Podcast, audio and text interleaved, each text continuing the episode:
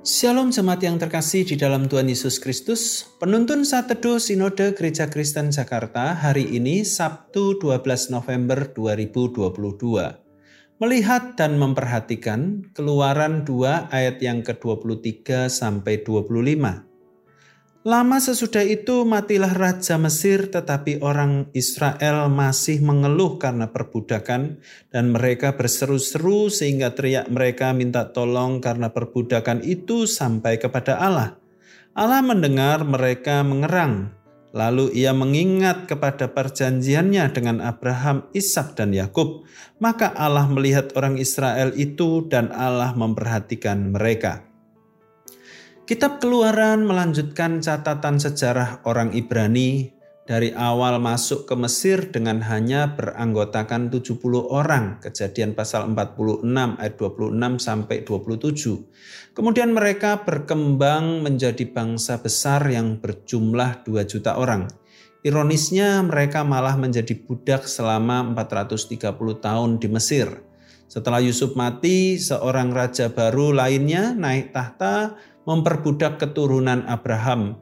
Mereka yang diperbudak berteriak minta tolong kepada Allah dan teriakan itu didengar Allah. Perhatian Allah kepada Israel merupakan pemeliharaan yang sungguh ajaib dan menakjubkan. Allah membebaskan dan menyelamatkan mereka dari penindasan di Mesir. Allah juga menuntun mereka ke Gunung Sinai setelah peristiwa sepuluh tulah kepada Mesir. Allah secara pribadi mendengar, melihat, memperhatikan, serta mengingat Israel.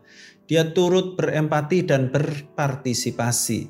Kata memperhatikan bukan berarti tadinya dia lupa dan tidak perhatian. Kata mengingat juga bukan berarti hanya secara pemikiran yang tadinya lupa dan sekarang ingat, Kata memperhatikan dan mengingat berarti telah tiba waktunya bagi Allah untuk bertindak sesuai dengan perjanjiannya kepada Abraham, kejadian 13 ayat yang ke-15, kepada Ishak, kejadian pasal 26 ayat yang ketiga, dan kepada Yakub, kejadian 28 ayat yang ke-13. Allah dari semula mengingat dan memperhatikan Israel. Perhatian Allah itu terlihat jelas saat ia menyertai Musa dan memakainya untuk menyelamatkan Israel sampai tiba dengan selamat di padang gurun Sinai. Allah tidak pernah melupakan dan membiarkan kita sendiri saat mengalami pergumulan dan kesulitan hidup. Tuhan berempati dalam setiap penderitaan yang kita alami. Tuhan akan menolong kita tepat pada waktunya dan sesuai dengan kehendaknya. Ketahuilah, Allah ada bersama dengan Anda. Dia sedang melihat, memperhatikan, dan akan segera menolong Anda.